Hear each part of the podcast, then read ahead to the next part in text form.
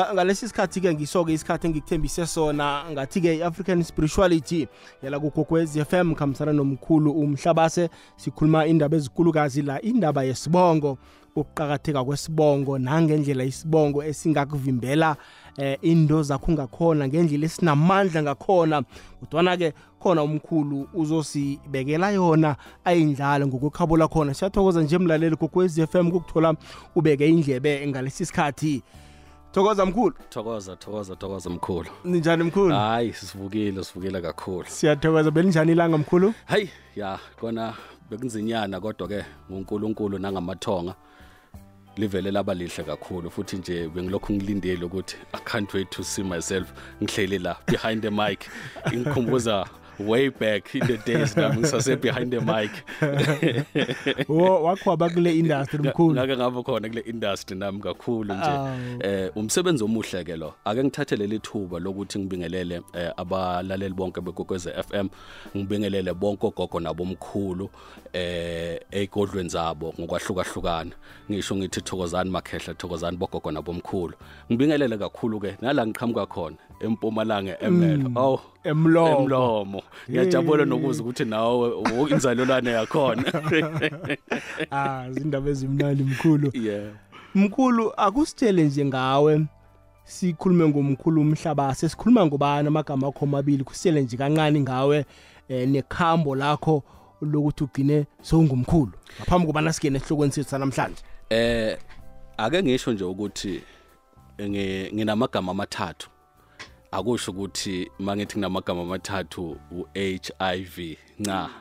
Eh amagama ami amathathu ngubonkosi, ngumandla, nguEric. mm. ngwakamthethwa ngwakankosi ingakho ngithi namhlanje ngifuna ukuthi sike sikhulume ngale ndaba yokubaluleka kwesibongo imvelaphi yomuntu ukuthi umuntu kahle kahle uqhamukapi impande yakhe. Ngiyavuma eh ngokuzalwa ke ngizalelwe emelo eh ngilokhu ngikhula ke ngikhulela khona emelo siya explore sigcine sesihamba sesize sifika nala eGauteng. Yabona nje ngoba ngila eAuckland Park namhla ngiyajabula ngithi konja ngake ngaba khona la kule ndawo le. Yeyi. Bengisasho bengisatshela eh mangena phezulu ngitshela amaphoyisa ukuthi ngelinanga ngakwada eh mabe terminate contract yami. Ngakwada ngathi angeke ngiphinde ngilibeke unyawo la. Kodwa ngoku namuhla. Ubuyile ulibekile inyawo ngilibekile lakho inyawo la. lami la namuhla. Bathi never say never. Never say never. Uzweke. yeah sizokhuluma kakhulu eh ngento ebalulekile namhlanje. Sizokhuluma ngesibongo. Eh isibongo sukhiya ke empilweni yomuntu. Kubhlungu ukuthi uthi wenza izinto kepha ungazi ukuthi lezi zinto mawuzenza uzenza kuphi. Ngoba isibongo njengoba ngisho ngithi sukhiya ngaphandle kwesibongo kuze la uyakhona ngaphandle kwesibongo impilo yakho imile. So kufanele ukuthi uphathe lokhiye wokuvula impilo yakho. Njengami nje ngumuntu engikhule ngazi ukuthi ngiyinzalelwane yakwamthetho. Kodwa makuloko kuhamba isikhathi izinto zashintsha. Ngoba ngangithi izinto zami mazingalungi. Kuthiwe kimi hamba uye komalume. Ngangiya komalume kuphi? Kwamthetho. Kanti nca mina komalume ila khona khona ekufanele ngiye khona kwaNkosi izinto zami ukuze zizokwazi ukuthi zilunge. Ngifuna ukuyichaza ke kumlaleli ekhaya ukuthi hlathulule kungani ngagcina sengiya kwaNkosi? Ingoba eh eh, isibongo lesengikhulele kiso sakwamthetho isibongo esika mama oh Yes, sibongo la uma abelethwa khona. abelethwa khona isibongo sakhe sangempela sakwamthetho. Kodwa nami ngakhulela kuphi? Khona kwamthetho. Uyangizwa? so siyaye sithi ingane ezikhulela komalume kibo koma imlanjwana. So nami ngikhule kanjalo ngingumlanjwana. Kodwa ngingazi ukuthi kahle kahle umama naye la e- e- e- e- e- esibongeni sakhe sakwamthetho kwakunezinto ezingazange zenziwa kahle ezingazange Oh. zaqedelwa bengisafuna ngokom- ukukubuza vele. Ngokomthetho ubelonga naye kuphi? kwaNkosi. Ekhabo omkhulu. Yes. Ingakho ke kwakufanele ukuthi siphinde sibuye sizongena kwaNkosi. Ilapho izinto khona zaqala zenza njani? Zalunga empilweni yami. Ingoba sengazi ukuthi makuthiwa komalume kukhulunywa la kwaNkosi la uma ezala ezalwa intombi yakhona yakwaNkosi. Ngoba umama ozala umama wakabantu wakankosi. Ngiyabona. Ngokomthetho kusho ukuthi nathi sibhilonga kuphi? Khona la kwaNkosi. Mm mm. Into engenza ukuthi ngize ngize kwaNkosi ingoba ngake ngeke ngaya ngaya kubaba esibongeni sami sangempela sakwavuma. Mm. Ngaya kubaba ngathi kuye baba ngikhulile phela. Mm. Eh nami ngiyathanda ukuthi ngibe ne identity eh nami ngibiza isibongo sami sangempela. Wathi owami ubaba saphila wathi nca mina angilisebenzi isiko. So angikwazi ukukwenzela isiko. Mm. Angikwazi ukukuthatha ngekufaka esibongweni sami. Ngoba mina into yesintu angiyisebenzi. Yilapho ke khona khona ngabona ukuthi kahle kahle kufanele ngazi ukuthi ngibhilonga kuphi ngoba umuntu nomuntu unedlozi ekufanele limgade. Idlozi elinamandla idlozi lakibo koma empilweni yomuntu. Uyayizwa lento mkhulu? Ngiyakuzwa. Ingakho ke ngibhilonga kwaNkosi. Ungibona ngithi mthethwa ngithi inkosi ngoba ngisebenzisa lesibongo lesi sangempela la ngibhilonga khona la ngivikelwa khona. Kwathi sekwenzeke konke ngase ngibuyela kwamthetho sengiyobonga ipapa lokwamthetho ukuthi ngiyabonga nina bomthetho ngoba beningiphakela ngiyabonga ukuthi beningivikela ngaso sonke isikhathi. Kodwa naku mina la ngibhilonga khona. Ngiyakuzwa. Ikhambo ke lakho lokuthi ugcine sele umkhulu eh athethe umsebenzi wamadlozi wabantu abadala. Yebo. lifika njani? Lifika kanjena ke mawulokhu uthi uyalungisa izinto mawufika kumuntu wesintu ngoba phela bakhona abantu besintu. Umuntu mawufika kuye athi mina wena ngeke ngikhona ukukusiza ngoba unamandla alingana nawami o unamandla ngaphezulu kwami. Uzibuza ukuthi mina ngingumuntu okazana ngingilazaro nginamandla angakanani? Uya understand so lento leyo yayi yayinginikeza inkinga empilweni yami. Angifuni uqamba amanga ngifuna ukuyiveza kulento kubalaleli bekokoza FM ukuthi ngihambile mina. Ngibahambile abantu ngimoshile imali. Uyangi understand ngoba ngangithi ngizama impilo. Kanti uzama impilo ongayiboni nawe ukuthi lempilo izamayo iyapi ngoba bekuvala isibongo nazi nezinto zabantu abadala kufanele ukuthi uyisebenze. Lento le yinto esikhule thina sikhule sikhulela enkonzweni. Sasimela thina abantu abazalwane makuthiwa bathandazela thina siphatha ikhandlela siphathisa ikhandlela sikhulekele labantu abantu labantu abadala basuke badinga ukusetshenzelwa enkonzweni. Kwavuka lesithunywa sebandla. Sithi noma siphuma sithi siyahamba sithi sokhonza kwezinye inkonzo kodwa lento lokhu imile ithi wena phela nakula ubhilo ngakhona lesithunywa sasezayoni. Ngiyaxolisa ukuthi ngize ngiveze isona lesithunywa sasezayoni ngoba siyakudinga nala uhamba khona. Ngacala ke mangithi ngiyahamba ngithi ngifuna usizo kwaba khona ubaba nje wangapha kwaZulu ongazange futhi alokho ethemeleza shona le wavese wangitshela wathi yilokhu nalokho kufanele ukuthi ukulungise ukuze into zakho zizolunga. Ngayicala ke ijeni yami. Okwangimangaza kakhulu ngathi ngilele kulela khaya. Umkhulu owafika kimi owayengikhulisa wathi kimi angitshele nomnomzana ukuthi yilokhu nalokhu okufanele ukuthi angenzele kona. Uyangizwa? Ngiyakuzwa. Ngakulalela lokho. Ngavuka ekseni ngathi mangivuka ekseni ngamthola umnomzana walekhaya emile. Wangibuza ukuthi utheni umkhulu wakhe ephusheni? Wamdescribe njengoba enjalo. Ngase ngimtshena ngathi uthe ucela ukuthi ungenzele lokho nalokho nalokho wahleka wahamba. Ngavuka ngahamba ngaye emsebenzini. Ngathi ngibuya ngabuya umnomzane lo wavele wathi nakho lokho kufanele ukuthi ukwenze la ekhaya. Ayikho into thina esizokwenzela yona la ekhaya. Uyawubona amathwasana angakanani? Kodwa ayikho into thina wena esizokwenzela yona. Ungatshelwanga futhi nathi singatshelwanga ngawe. Kwaba ijeni yami yokuthi sengisebenza ngithatha lamandla abantu abadala. Ngawathatha amandla abantu abadala. Kodwa okwaba inkinga ke empilweni yami ukuthi ngithe noma sengikuthathile sengikuvumile lokho ngangasebenzi.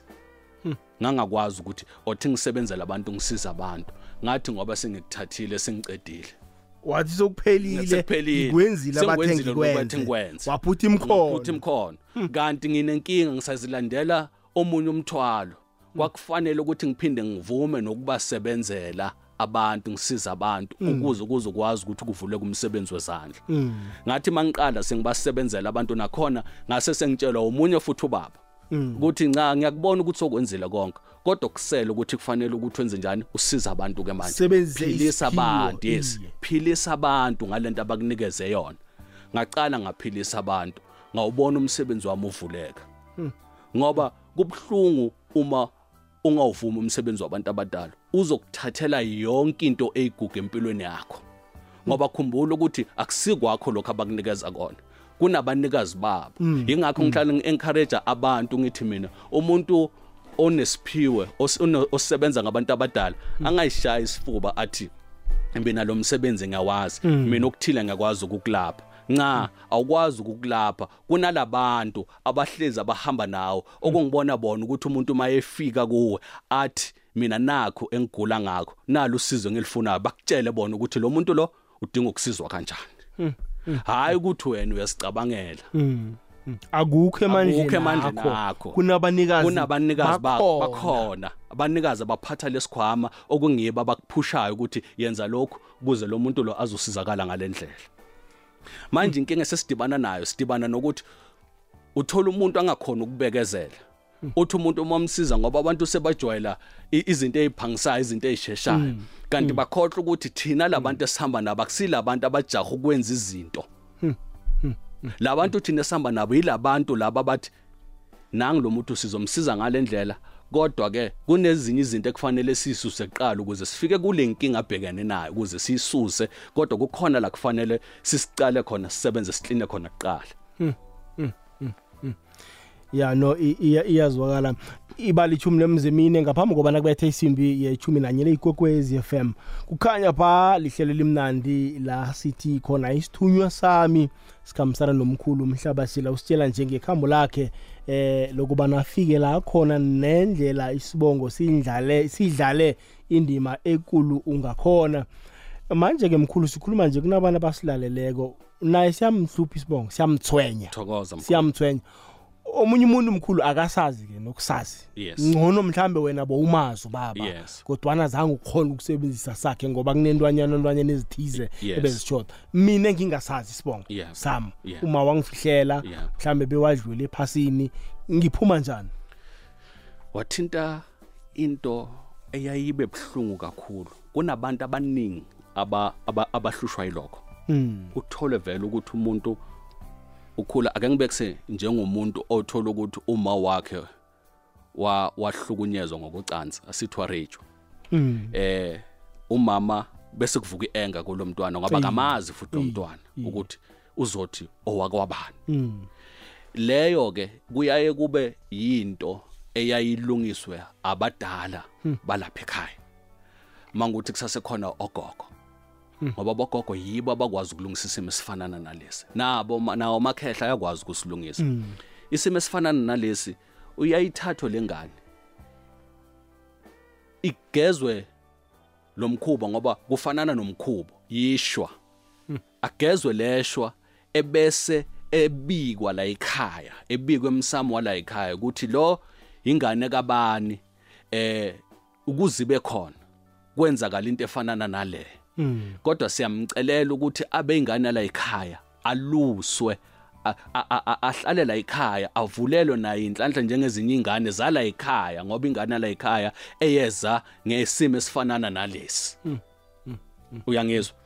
Iyagezwa ibe sibikwe emsamo icelelwe emathongeni ala ekhaya. Ukuthi le ingane la kungafihlwa ukuthi yeza kanjani ukuze ibe khona emhlabeni. Lokho kubalulekile. Ngoba mawuzothatha ingane uyibike ningashongo lomkhubo ukuthi yafika kanjani. Kuyaye lento lokho iba yithunze leminyama phezulu kwalengane igcina isidiki ibali igcina engasafuni izinto ezihambelana eziphathelene nesintu noma izinto ezihambelana nabathandazi. Abantu abangathi bafuna ukumsiza abona ngathi yonke lento ayisebenzi. Ingoba akuzange kwalandelwa indlela yokubikwa kwayo la ekhaya. Ngoba umkhubo ofanana naloyo kufanele ukuthi uvezwe. Mm. Mm. Kungahlale kuyifihlo yes kungahlali kunomphela kuyifihlo nomphela. Manje lapho ke kuba nala i- idlozi lekhaya limamukela khona Yes. ukuthi lo mntwana weza ngalindlela weza ngalendlela le. Mm. ehe ngoba ngisho kuyabikwa emsamo litshelwe ledlozi lala ekhaya ukuthi lo ingane kabani? Lokho kubalulekile lokuthi basho ukuthi ingane kabani? Mm. yeza ukuze ube khona emhlabeni kwakuyisimo esifanana nalesi. Mm. ingakho siyigeza sesicelela eh inhlanhla ukuthi la ekhaya ayiluseke bengane yala ekhaya. Angisho kufanana nazo zonke ingane eh, eh, kuthiwa ingane zeintombi zala ekhaya abalanjwana bayabikwa emsamo wala ekhaya. Ukubacelelwe ethongweni lala ekhaya ukuthi lezi ingane zabo bani zala ekhaya. Sicela ukuthi nizigade Ningarareki nizipinhlanhla yebo nanizibona manizibona zala ekhaya. ekhaya. Namhlanje sesibona ukuthi uthole eh, emakhaya eh, kunengane kuthiwa ingane ingane yentombazana hey hey iyaphuza. Ezinye zikunyawupe ingoba le ngane azange zabikwa emsamo edlozini lala ekhaya. Idlozi alizazi lengane ukuthi le ingane kabani yini kona lokho kula ekhaya? Ya ukhuluma indaba enye eqhakathekile kumkhulu mkhulu ke eh ke size em kunasi indaba yokuthi okay ngaphambi kobana si ngingene embuzweni nami ngibabona khe ngiyokuthengisa mkhulu. Thengisa ke ngiza kubuya kuwe. Lihlelo sizigedlile nomindlo lavo ngomvulo bekwengolosini ebusuku kukwekwecfm mkhulu akhe ngibuze bona lokhu nakuthiwa umuntu ubangwa madlozi so umuntu obangwa yidlozi kuluke mkhulu uthola ukuthi idlozi eh lidonsisana naleli linye ngapha nangapha kusho ukuthi la komalume wakho ngasekhaya kini amadlozi ayadonsisana wena solanka usaphila emhlabeni uthi uzama izinto kanti izinto zakho azihlangani ngenxa yokuthi amadlozi wakho wena mkhulu kusho ukuthi isisekelo sakho eh, asimanga kahle mkhulu umsamo wakho uwumsamo ohlukene phakathi ekumele ngabe uyahlanganiswa. African spirituality nomindlo love kukwekwezi fm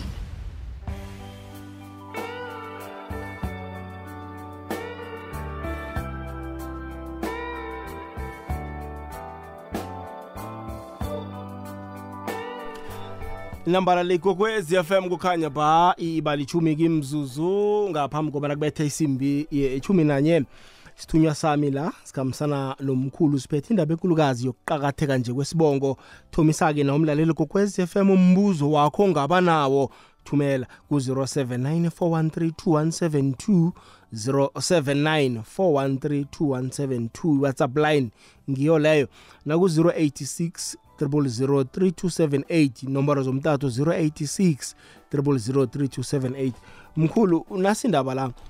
Ah, kanengi uthola umntwana asebenzisa isibongo sikayise. Yebo mkhulu. Thola ukuthi ubaba lo uyi-boyfriend uyi-ex boyfriend isigebengu. Uyangizwisisa bukuphi ubungozi bokwenza njalo? Ubungozi ke eh mkhulu bokusebenzisa isibongo sika baba ubaba angenzanga lutho. I- bula. Ugcina uba ngumuntu obangwa amadlozi. Uyangizwa ngoba manje awazeki ukuthi kwehlakahle wena ubhilonga kuphi. Into enkulu eshaya abantu abaningi leyo leyo kubangwa amadlozi. Ngoba umuntu kufanele kube khona idlozi lakhe elimgadayo 24/7 athi mayekhuluma ecela kilo limenzele elimlalelayo ehlezi linaye ngaso sonke isikhathi. Kodwa mawuzothola ukuthi ilento ivamise ukwenza sengibonile kule youth yamanje labe sibabiza ngama 2000 uthola sekwenzelwe ingane i- i-birth certificate ibiza lo yababo ubaba womntwana eh ngapha khabo mama bazi ukuthi sekwenzakaleni. Uyang understand eh lento isihlave esikhulu esibi futhi ngoba igcina igulisa lengane le. Ingane igcina igula ingalapheki ingoba isibangwa amadlozi idlozi elikhulu empilweni yomuntu elakibo koma wakhe. Alikho idlozi elikhulu empilweni yomuntu njengedlozi lakibo koma. So lento leyo yokusebenzisa isibongo sikababa ubaba angakuhlawulanga angakulobolanga. Ngifisa ukuthi abantu ngathi bangayibuka bayiqede ngoba into lento ebangela ingane amashwa. Iyo lento egcina abantu kuthiwa babangwa ngamadlozi. Ingoba bathatha indlela errong athi umuntu ya vele mina ngiyabalaya ekhaya ngoba ekhaya mina abanginaki. So umntana amngcono ukuthi asebenzise isibongo sikama sikababa wakhe. Uyangi understand kanti udala uchekeko between umntwana namadlozi. Ingakho uthola ukuthi bese kuvuka isikhali esikhomba lengane ngoba lengane lena ingane yasembangweni. Iyokubangwa amadlu iyobangwa amadlozi.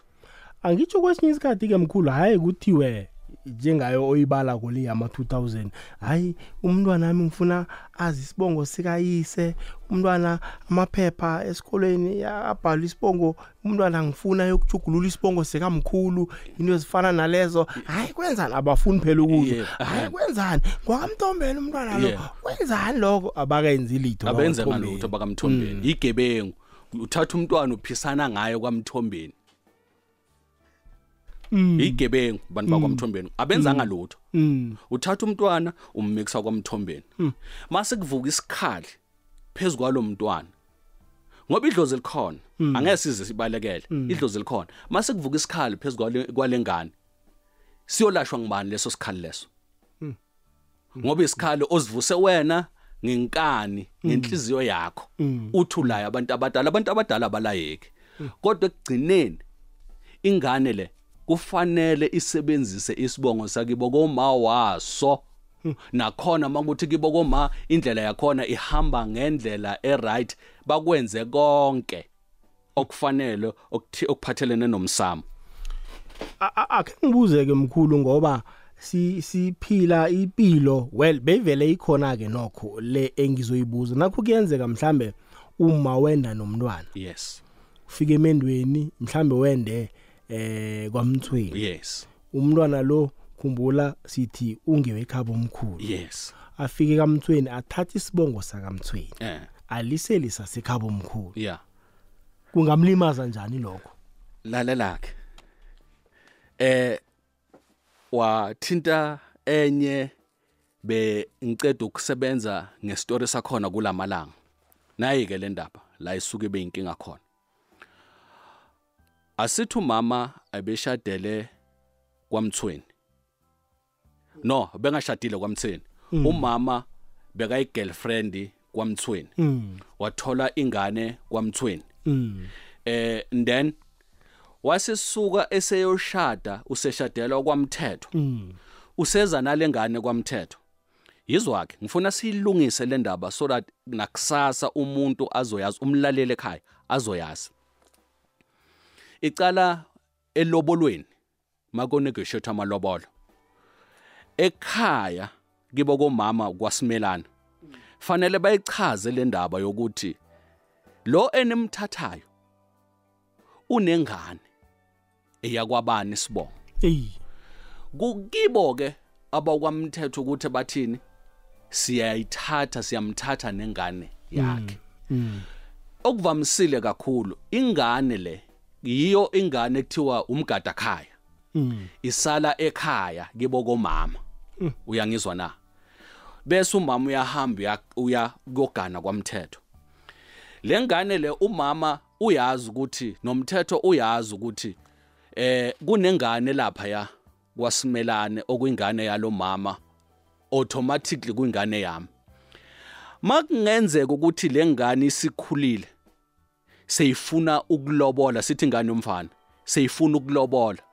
Noma ngabe iyeza izohlala kwamthetho ngoba kunankinga ngahlala kwamthetho bese isebenzisa isibongo sakwamthetho izosisebenzisa. Kodwa mase seyifuna ukulobola lengane kufanele isebenzise isibongo sayo. Akufanele mina njengomthethwa ngihambe ngiyoyilobolela lengane kufanele lengane ihambe iyofuna bakibo. Bakwamthweni uyangizwa bakwamthweni bona kufanele benze njani?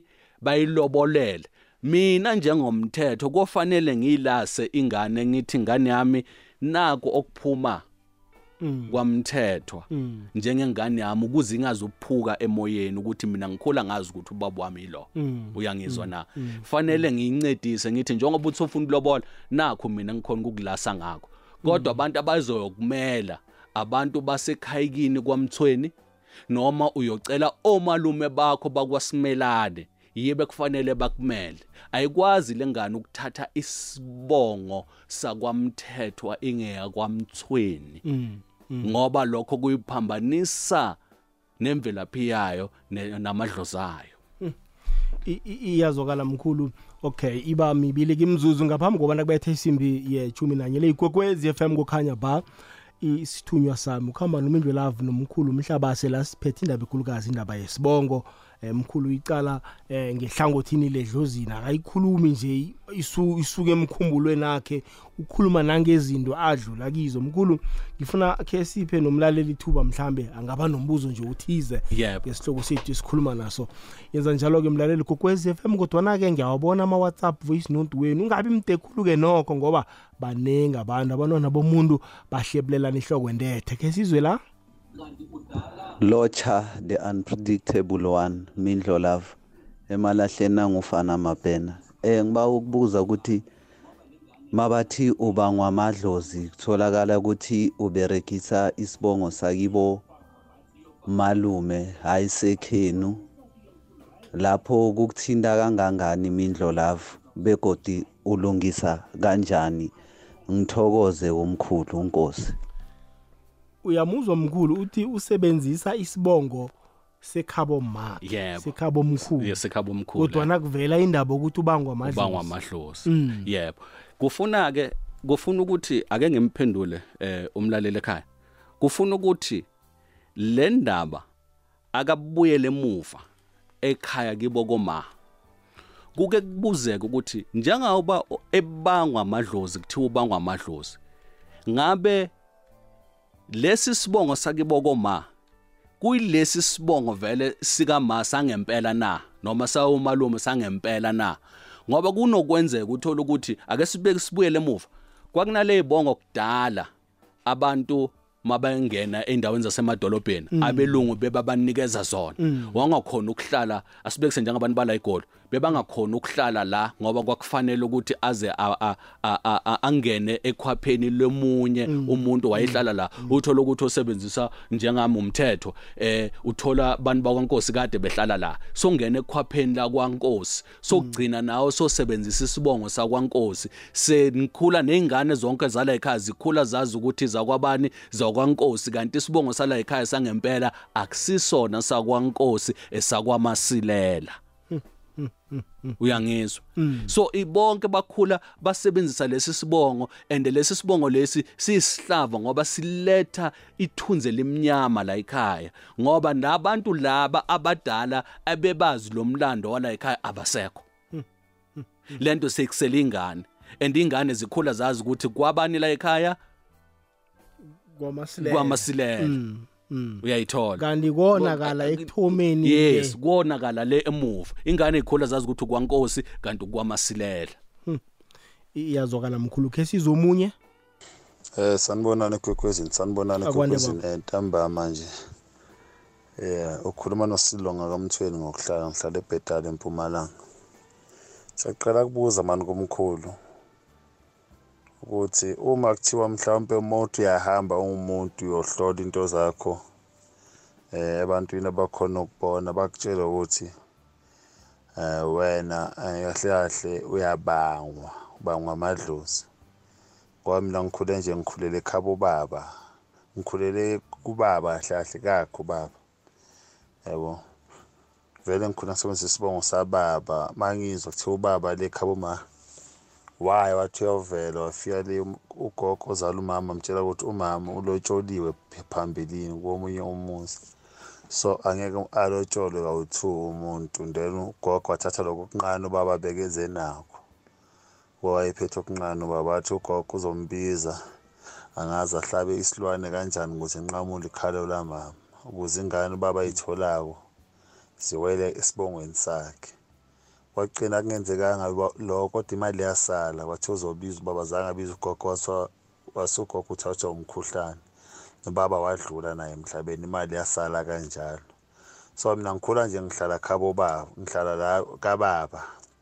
Yabo. Mangihlala khabo baba eh mangiyohlola into enzami because into zami ziyenzeka but zenzeka kanzima fika bangitshela ukuthi hayi mos mina ngumntana edlo ngumntana bathini bathi ngiyaphiko bathi ngiyabangwa. Ngiyabanga. eh bathi ngiyabanga ngamanye ngiqela kubuza ngipho- njalo mangilele ngiphupha isiphupha vele ngileka leli kamthweni laba babeyahlala khona. Manje angazi umkhulu ukuthi makuso umuntu uye enze kanjani. Ngiyabonga. Asimsize mkhulu? Asimsize. Kule i- i- iyaye ibe lula ngalendlela yokuthi eh njengoba ugogo akuthatha lokuncane kahle kahle ugogo wayekuthatha ngiyaxolisa ukusebenzisa legama ukuthi naye ugogo wayevukwe into zakhe. Ngokomthetho vese kwakufanele ukuthi noma ngabe kuthiwa uma wakhe wayelotsholiwe ngaphambilini ngoba ubaba umthweni wayefuna ukulobola ehlawula ingane yakhe kwakufanele ugogo akuvumele lokho. Yingakho namuhla umfowethu ebangwa amadlozi ebangwa idalwa ngoba kwakufanele ubaba aye ukuyolobola lengane afika ihlawule ayilobole ayithathe isalisebenzisa isibongo sakhe sangempela. Kusho ukuthi manje kufanana nento engazange yenzeka. Into ebalulekile kuye manje ukuthi kufanele lokuthi kube nguye ohamba ayomela icala likababu wakhe khona laphaya ekhaya kibokoma afika acele makukhona omalume axoxisane nabomalume ukuthi manje ngicela ukwenza into efanana nale. So ngicela ningisizeke nina bomalume ukuze ngikwazi ukuthi nami ngizokwazi ukuthi ngigeze amacala kababa. Uyayizwa lento ngisho? Ngiyakuzwa. Ehhe, kufanele abuyele ayogeza amacala kababa wakhe akhone lokuthi azihlawule azilobole asebenzise isibongo sangempela esakhe lesasifunayo sakwamthweni. Mkhulu ihlawulo iyodwa iyamenza umuntu ukuthi athathe isibongo sikayise. Inhlawulo nje iyodwa yes iyamenza ukuthi asithathe isibongo sikababa. Kodwa ke khumbula ukuthi awukakapheleli mawukhokha inhlawulo ngoba kuyadinga lokuthi uphume vele ngokomthetho uzufakwe ngisho nasiphandla sokuthi vese usuphumile kulela khaya uswebhilonga ngapha esibongeni sakho sangempela. Iyazwakala mlaleli kokwezi FM nakukhulunywa nje ngokuthi kufanele bakulobole kanengi thina kundebele haye sithi umuntu kukhitshwa izondlo Yebo. thina siyibeka Ehhe, njalo thina yes. khitshwa izondlo uthokoza abantu abakukhulisele Abakukhulisele. umratho bowudla ukho wayiphatha Nje, phambili ehhe, ngeke ngayiphatha uyabathokoza Yes, ehhe. ngokuzwana kwenu kuba nenilwane ezithize ezihlatshwako eze exchangewayo Into ezifana nalezo. yes Awuzweke. ubonge nanepapa ukuthi ngiyabonga le papa enengiphelona nina basemzini awuzweke Ehhe. akhe sizwe la mkhulu omunye umlaleli lotshani kwekwezini lotshani midlo love lotshise nomkhulu lapho kwekwezini yebo. Eh nginombuzo la khuluma nosibusiso mahlanga station 14 nginombuzo la ngakhulisa khabo baba khabo baba zange bangihlawule. So ngibhaliswe ngesibongo sakhabo mama ngoba ngikhulele khona khabo mama. Kodwa isiko lami ngahamba ngalenza ngaceda ngifuna ukwazi njengoba ngisabhalise ngesibongo mama angeke ngihlangane nenkinga phambili na? Ngiba ulingihlathululele lapho nangabe kunenkinga ngikhambe ngejipsha isibongo kodwa azange ngihlawule nayinkinga. Mkhulu asimsize. Eh uthi u- u- u- usebenzisa isibongo sika baba isibongo sakama usebenzisa isibongo sika mama kodwa ukukhulela kwiboko baba kuma konke izinto zikama yebo. Ya. No akunankinga lapho. Kodwa okusalayo into ekufanele yenzeke mangukuthi excuse me mangukuthi eh ufuna lento abantu bayazi. Ukuthi nengane ekhulela kibo komama iyathathwa ibikwe emsamo njengoba ngeke ngayichaza phambilini. Ukuthi imlanjwane iyabikwa nayo emsamo wala ekhaya kibo komama. Ukuze idlozi lala ekhaya lizoyibheka leyo ngane leyo. Ukuze lizolizi- lizoyipha nezinhlanhla ekugcineni makufanele athathe umakoti ekugcineni makumele agane kufanele kube khona lokuthi ubikiwe uyaziwa la ekhaya ngoba kufanele umuntu nomuntu ufanele kube khona idlozi elimgadayo. Ngamanye amagama sithi umuntu isibongo sabo sakhe sekhabo omkhulu. Yebo. Number one. Number 1 asinamraro nomncane. Nomncane. Khona ukwenza konke ngesibongo ngesibongo. sekheni Ye- omkhulu. ehhe. uthi ke mase uma ungumuntu wesilisa mase so soshada angisho isibongo sakho siyafuneka. Mm. Ilapho ke la khona khona sekufanele ukuthi bese ke soyabalanda ke labo bakiboko baba ukuthi phela manje sengifuna ukulobola mina sengifuna ukushada. Mm. velani ke madoda. Bese besondela mabayimisele ukusondela. Ngoba phela kakhulukhulu abobaba bavele ba- bashencele emuva bangafuni ukuthatha ama responsibilities kodwa isibongo esikhulu emntwini isibongo sakiboko mama iyazwakala mkhulu khe sizwe la omunye godi sanibonani emhathweni ukarabo sikhosana la e-orange farm um bengicela ukubuza lapho kusithekelo sakho ukuthi uma uhamba uyohlola bese bayakutshela ukuthi izinto zakho azihambi kahle ukuze izinto zakho zilunge mele ulungise umsamo. Ngicela nje ubaba angichazisele ukuthi uma ngilungisa umsamo kwenziwani futhi ums- thokoza mkhulu yebo mkhulu. Lento yalomsamo angisho ibuyele emuva kulesi sibongo esikhuluma ngaso. Izinto zakhe azihambe kahle kunomsamo okufanele ulungiswe. Masikhuluma ngomsamo sikhuluma ngale sibongo sakho. Kusho ukuthi kunenkinga esibongweni osisebenzisayo. Yingakho kufanele ukuthi ube mayohlola kumuntu akhe ngi-encourage le ndaba. Mayohlola kumuntu fanele wazi ukuthi ube nemibuzo oyibuzayo ethize kumuntu ukuze uzokwazi ukucaciseleka. Abanye abantu yingakho kufanelekile ukuthi omunye uthola ukuthi makayo consult kumuntu uphatha ipen nephepha. Afike yonke into amtshela yona ayibhale phansi akhona nokuthi abuze ukuthi manje mase sekunje lokhu ngikwenza kanjani lokhu ngikwenza kanjani ukuze azokwazi ukucaciseleka. Ngoba makuthiwa hambe yolungisa umsamo bese angamchazeli ukuthi njengoba ulungisa umsamo yini lento ekufanele ngiyoyilungisa emsamo? Ngoba kusanokwenza ukuthi thi uyahamba ulungisa umsamo kanti umsamo ungcolile. Uyangizwa? Uyolungisa umsamo ngoba kufanele ukuthi ulungise isibongo? Ingakho kubalulekile ukuthi fanele ubuze makuthiwa thiwa hamba ulungisa umsamo yini le engiyoyilungisa emsamo? Kuze uzokwazi ukuthi uma uphuma uphuma uwazi ukuthi yini lento kumele uyilungise. Manje mkhulu eh, nasikhuluma ngomsamo la. Kuhle kuhle sikhuluma ngani? Um- umsamo nomuntu onganamuzi ongakathathi nje isokani i-boyfriend uyaba nomsamo kusetshenzwa njani? uyakhona ukukhuluma emsamo? Lutho kunomuntu ekhaya oba responsible for umsamo. Ekhaya komalume kuyaye kube khona mase sithi mhlambe bonke seba sebadlulile emhlabeni kuselo malume kuba nguye sosele ophatha induku noma ophatha umkhonto wala ekhaya. Nguye okufanele aye emsamo ayomela zonke inkinga zala ekhaya. Awu ak- kufana nomuntu oshisa impepha Ak- sinoma ngangibani oshisa impepha ekhaya. Kunomuntu okhethelekile ekhaya.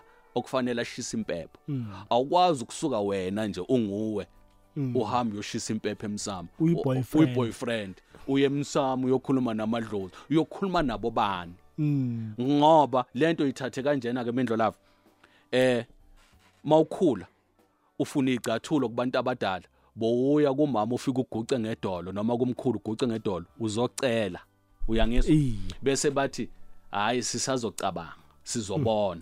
Uyangizwa na? Iye. yebo yibo. Nasemsamo kufanele ukuthi kube njalo. Kunomuntu ekufanele ukuthi akumele. Awuziyeli wena emsamo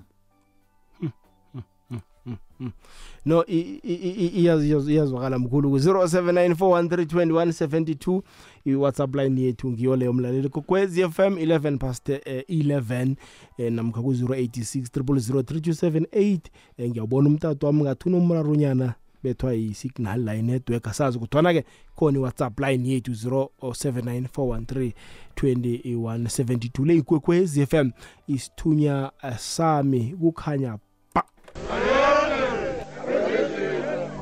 ingwenyama unyabela nakavela ekhotho ngemva kokuboshwa ipini yakonomtshahelo wavela phambi kwejaji yanamadoda wekosini amajumi amabili namabili.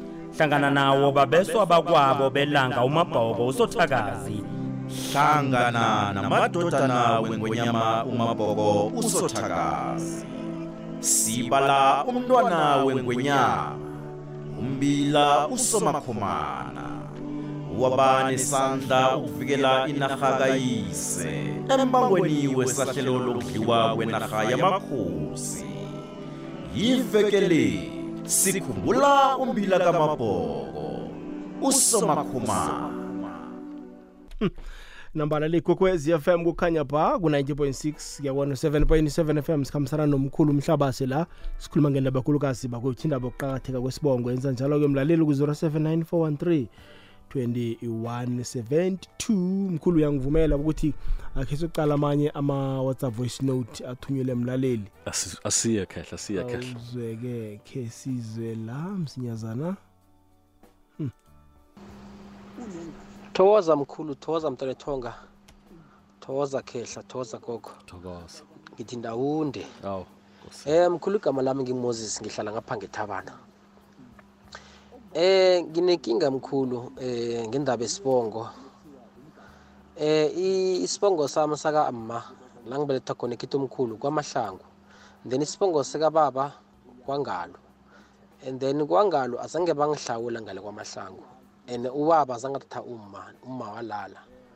So nje ngithethe umma mkhulu and nginomuzi. So umbuzo wami ukuthi eh lapha emzini nami kuzoba kwabani isibongo? Njengoba nabakwangalo azange bangithatha azange bangihlawula kwa- kwamahlangu. And ne- ne- nempasa zami zibiza eh ungalo. Kukwami wathi akafuni ngihlake ngesibongo sami. Angikhambe ngekhaya eh usuhulu wami angithathise isibongo sami sakangalo. So manje ngithethe uma and nginabantwana ngibuza ukuthi le kwami kuzokubizwa ukuthi kwabani isibongo? Ngoba ngiyazi mkhulu njengobana ngiyindodana eh indaba yesibongo i- i- ibaluleke khulu. Nangabe isibongo sakho asi- akusi exactly isibongo sakho izinto zakho azilungi ziyavaleka. So mkhulu umbuzo wami ngulowo mkhulu. Ngibuza ukuthi eh lapha emzini nami kuzoba kwabani isibongo? And ngapha ngibiza ungalo.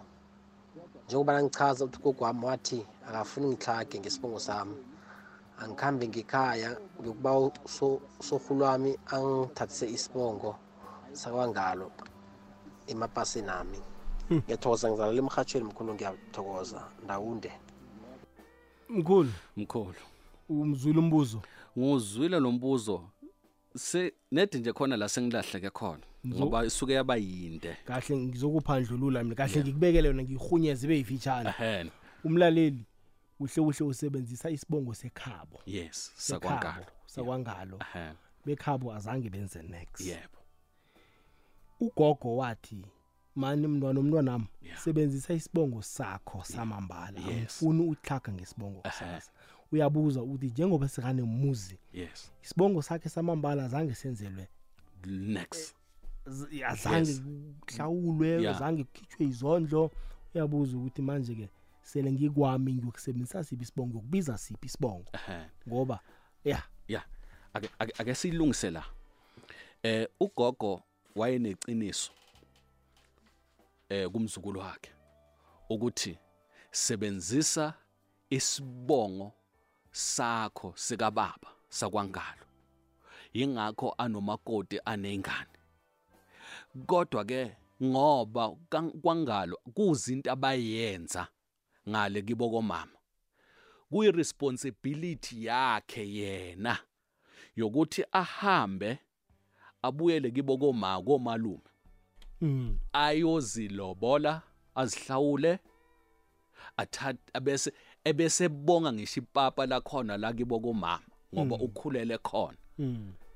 ebese ukwazi ukuthi angene kuphi ngokomthetho kulesibongo sakhe lesasisebenzisayo Mm. Kufanele ahamba ayohlawula lapha. La akhulele khona. Afika ahlawule khona azilobole lapha abonge ngisho ipapa lakhona ebese buya sesebenzisa isibongo sakhe swangempela usithethe isibongo sakhe njengalokho esisebenzisa.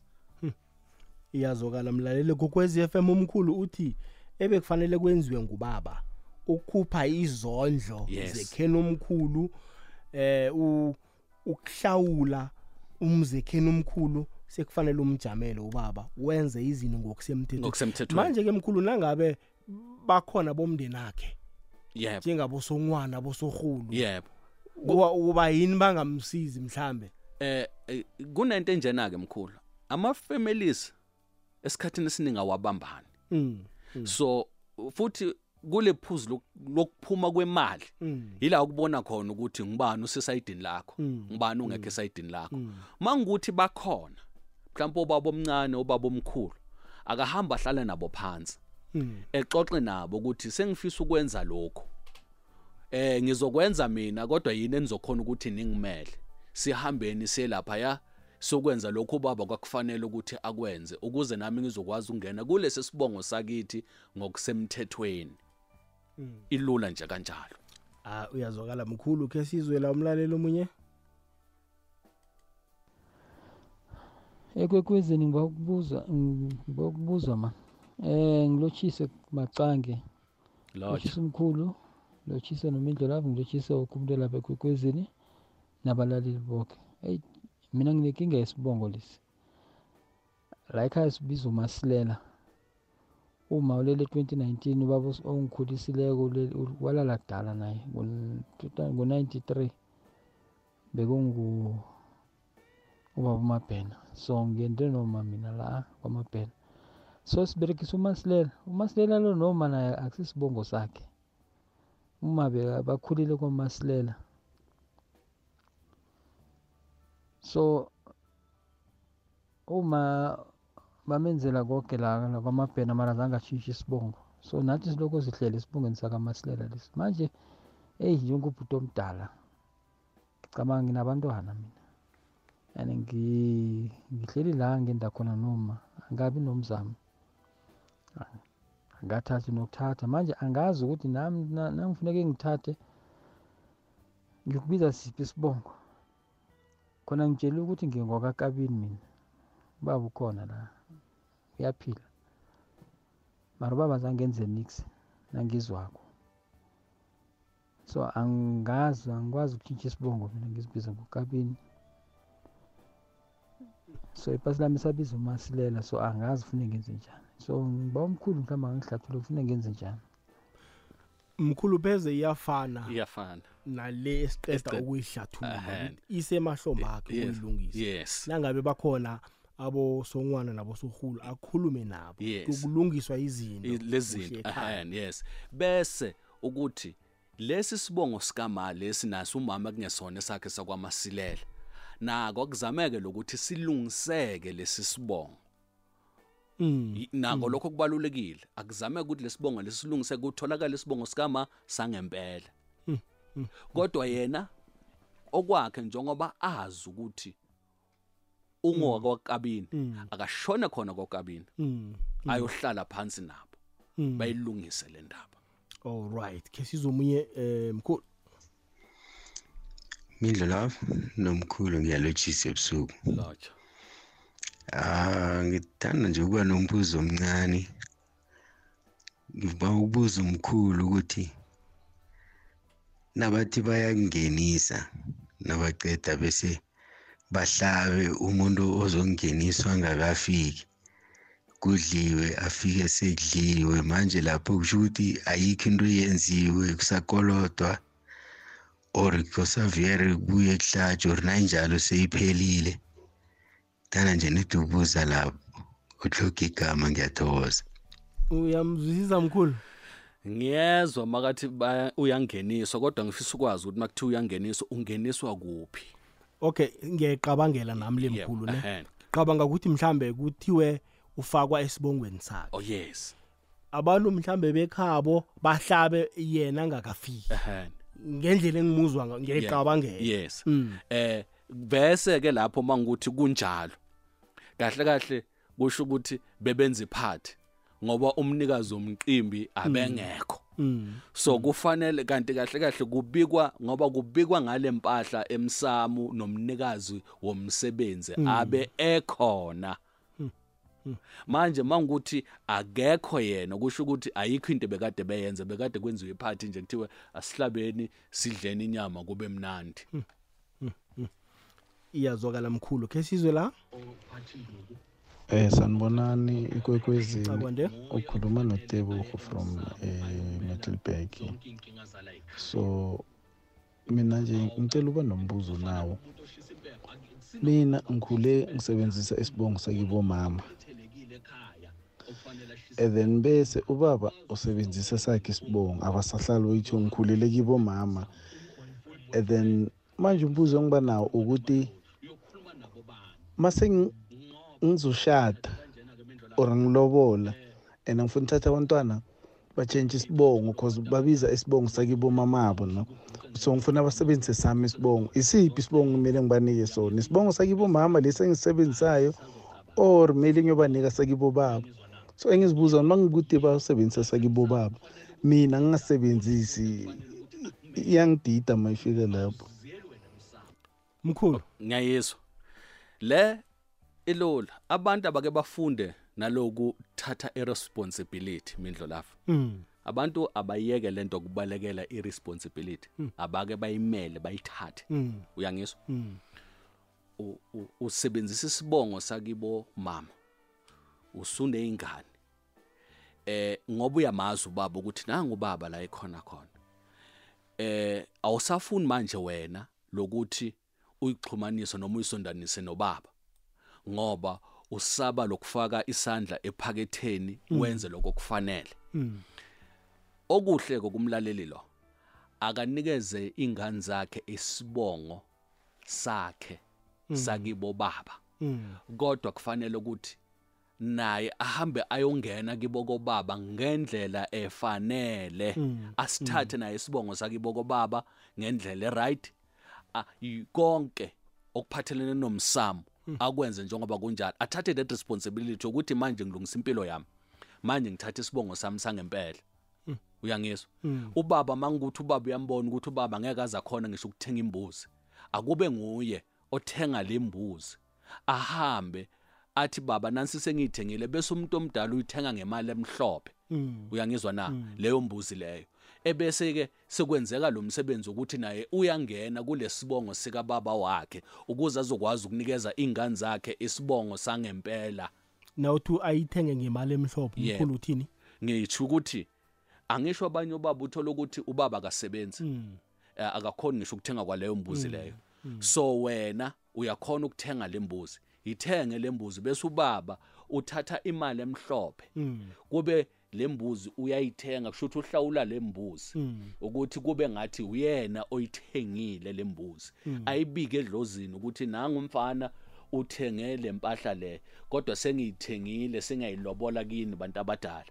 Ukuthi ke ngicela ukuthi ngimenzele lo msebenzi ukuthi ngimfake kulesibongo sala ekhaya. Iyazwakala mkhulu. Manje mkhulu ke uthola ukuthi abanye ama-families akayingeni indaba yakho yebo. Uyazama uyafuna nokukwenza lokho. Yes. Kahle kahle abakufuni. Abakufuni eh. Bakuphika. Yes. Ngidlula njani lapho mkhulu? Ya. Yabona kule ndaba yokuphika ngifuna uku-encourage wonke umuntu wesilisa olalele njengamanje. Mm. ukuthi uze ungalenzi iphutha lokuphika ingane yakho. Ngoba ubangela ingane yakho amashwa inhlamba leyo enkulu phezukwale ngane ngoba lento iyokwehla yehlele ngisho esizukulwaneni. Mm. ngoba lento iba isihlava sokuthi njalo kuyoba la ekhaya kuba nento evela njengenhlamba yokuthi naye lengane ingane nayo iyophikwa so bangacale bakwenze lokhu kuphika ingane. Ngiyacela kubantu besilisa bonke ukuthi angayiphiki ingane ngoba leyo kusho ukuthi usuke usuthukelele ekhaya lakibo ntombazane lakibo ma wengane. Ingakho bese sekufanele ukuthi uyoligeza lela khaya ugeze lenhlamba owayikhipha before uzokwazi ukuthi ulobole uhlawule ingane yakho. Ah iyazwakala mkhulu ke sizwe la. Hayi mindlulavu indoda engaziwa la edevoni ngakulotshisa nesithekeli sakho ma. Ke ngibuze mindlulavu ma ukuthi umsamo eyi makukhulunywa ngomsamo kukhulunywa ngani? Nginto enjani? So ngeza ukuthi yabo uthi umsamo kumele kusiwo wonke umuntu kumele ukhulume emsamo kakuhlathulele ukuthi umsamo njani? Wenziwa njani? Kunjani? Ngoba mina babili ethi bambalala khange khe ngibabuze. Yonke into engikwaziyo nje bengangikubona ubaba makawusiphahlela nje siphahla ngangihamba naye siphahla mara umsamo khange khe ngimbuze. siyikhulumile kancane mkhulu indaba yomsamo. Sikhulumile kancane kodwa ake siphinde futhi sibuyele kiyo umsamo kuba yindawo ekhaya kuba yindlu eh eh, yabantu abadala. Akubi yindlu engaphakathi en- endlini la kwakhiwe khona. Kodwa iba yodwa i- ikakhulukazi kuba irondo irandafel indlu yangakagogo abanye yakagogo batsho njalo. Yebo indlu yakagogo. Eba yodwa lapha la khona khona kuthethwa khona amacala ala ekhaya. I-head office yasekhaya. Wu- yi- yiwo kumsamo. Zonke izinto eziphathelene nemsebenzi zibikwa khona. Makunomsebenzi kukhulunywa khona lapha emsamo. Indawo leya engalali umuntu kepha elala labantu abadala mabafikile bazovakasha la ekhaya. Yiwo kumsamo ila kuphahlwa khona. Awuzweke iyazwakala. Kaningi-ke thina ngakundebele mkhulu indaba yomsamo le ayikandi kangako. Yebo. kithi sineziko lokuphahlela eh babodwa baphahlela esibayeni Yes, uyayibona indaba? njengakwaXhosa. ya into Eh. ezifana into ezifana nalezo mhlawumbe umzwekethu akawujwayeli indaba yomsamo but ngendlela umkhulu ayibeke ngako imnandi amandebele baneziko banala kuphahlelwa khona ehe. kaningi kuba sesibayeni Yebo. namkha kuba ngehlangothini elithize Elithize ekhaya ekhaya. ngaphandle Ngaphandle, yayibona indaba yebo, ehe. umsamo kaningi u- u- ulapha emazulwini Yes. emaswatini into Ehe, ezifana nalezo yes, ehe, uzweke ehe. Ke sizwe eh la omunye godu umlaleli simuza ubona uthini? 29 minutes past 11 sanibonani sanibonani kwekwezi FM ninjani? Ya.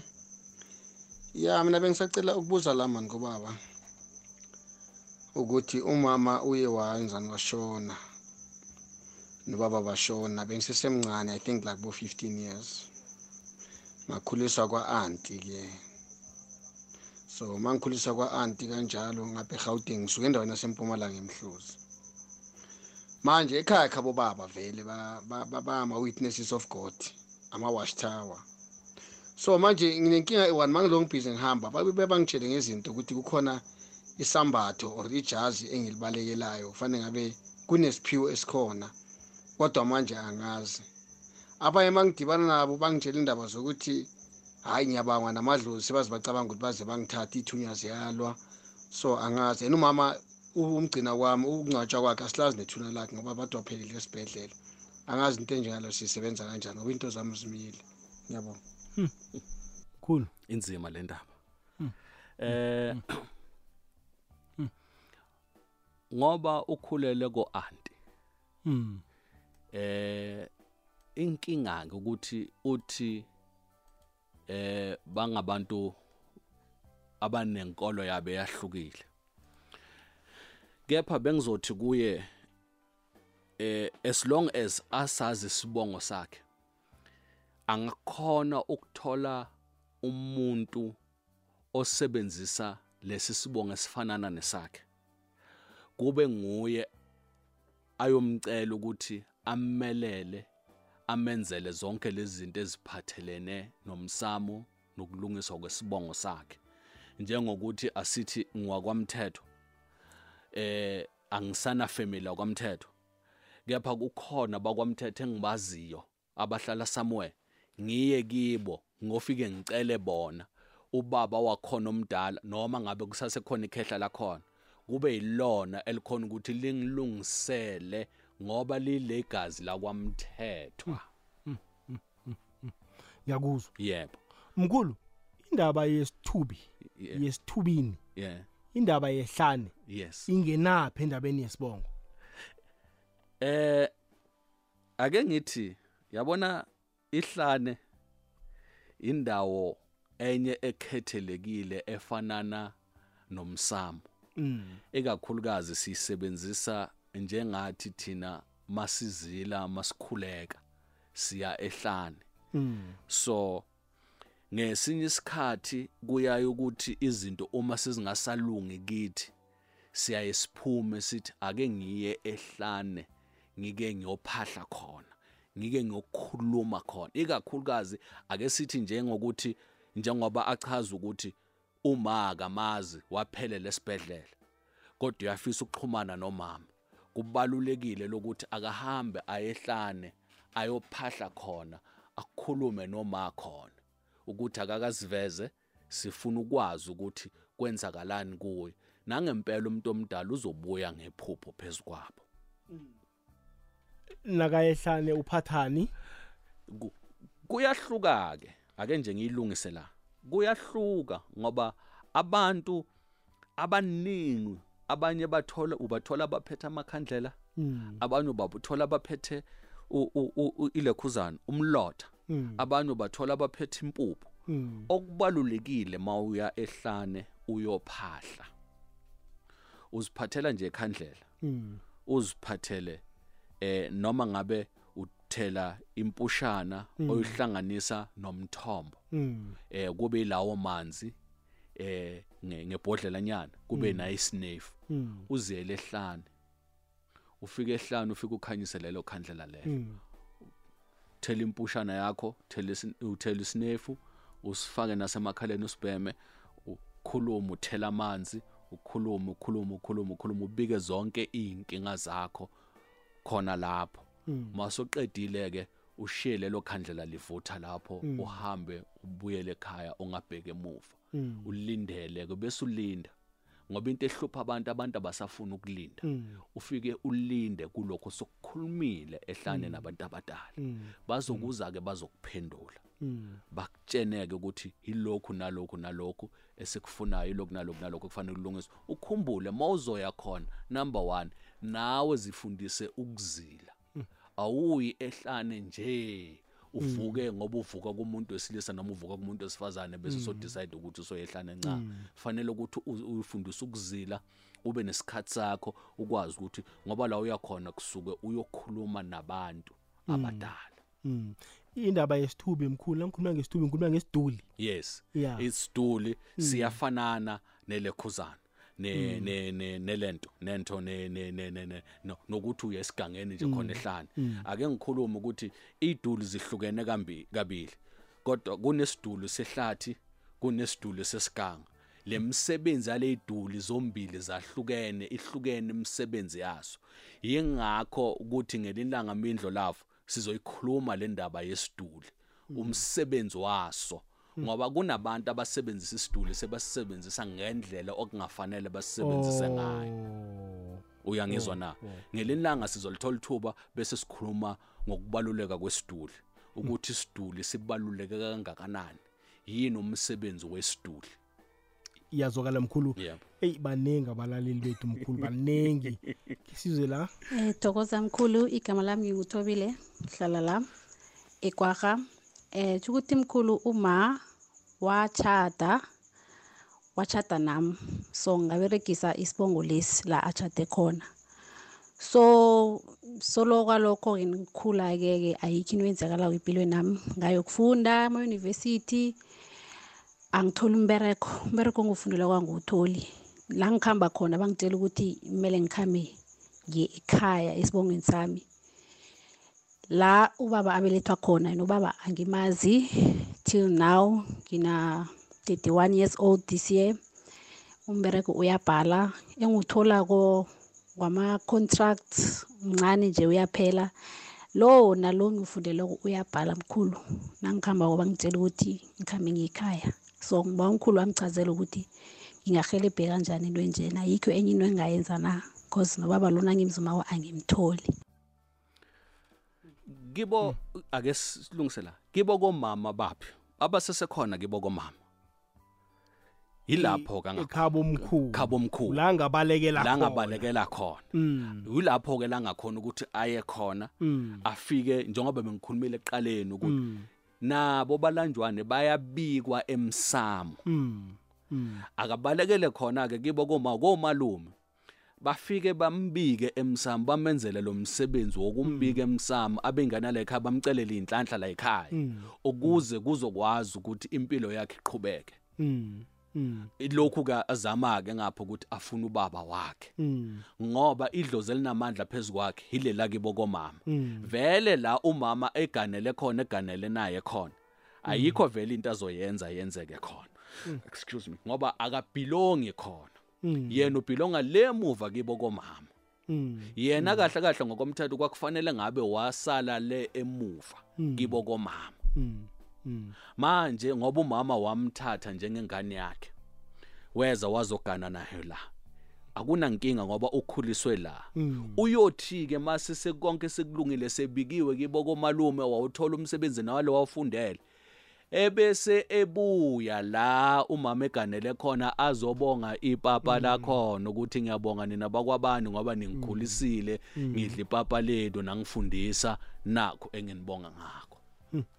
Kuyazwakala. Akhe sithi- akhe sithi mhlambe mkhulu em ngaba nomntwana ngisebenzisa isibongo sekhetho omkhulu yeah ne? Yes. angisazi mhlambe sami. Yeah. Ngiba nomntwana nami godu. Yebo.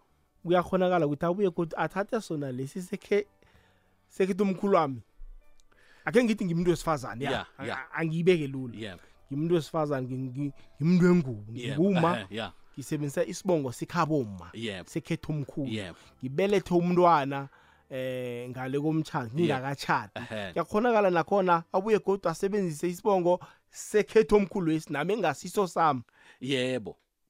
Uyakhonakala ukuthi asisebenzise leso sibongo Mm. angisho isibongo sakibo koma wakho Mm. and eh, azange bakwenzela lutho kibo kobaba Mm. Mm. vele ubhilonga kuphi kogogo wakho Mm. fanele usebenzise leso sibongo leso nengane yakho mabangayihlawulanga Mm. fanele isebenzise leso sibongo leso Mm. sibuyela back to square one kimi Mm. ngisebenzisa isibongo sakuphi Oh ngiyabona ngiyabona ngiyabona ah akuzili la Ak- yes kuyakhonakala nami ngisebenzise sekhetho omkhulu nje nomntwana nomntanakho kanjalo.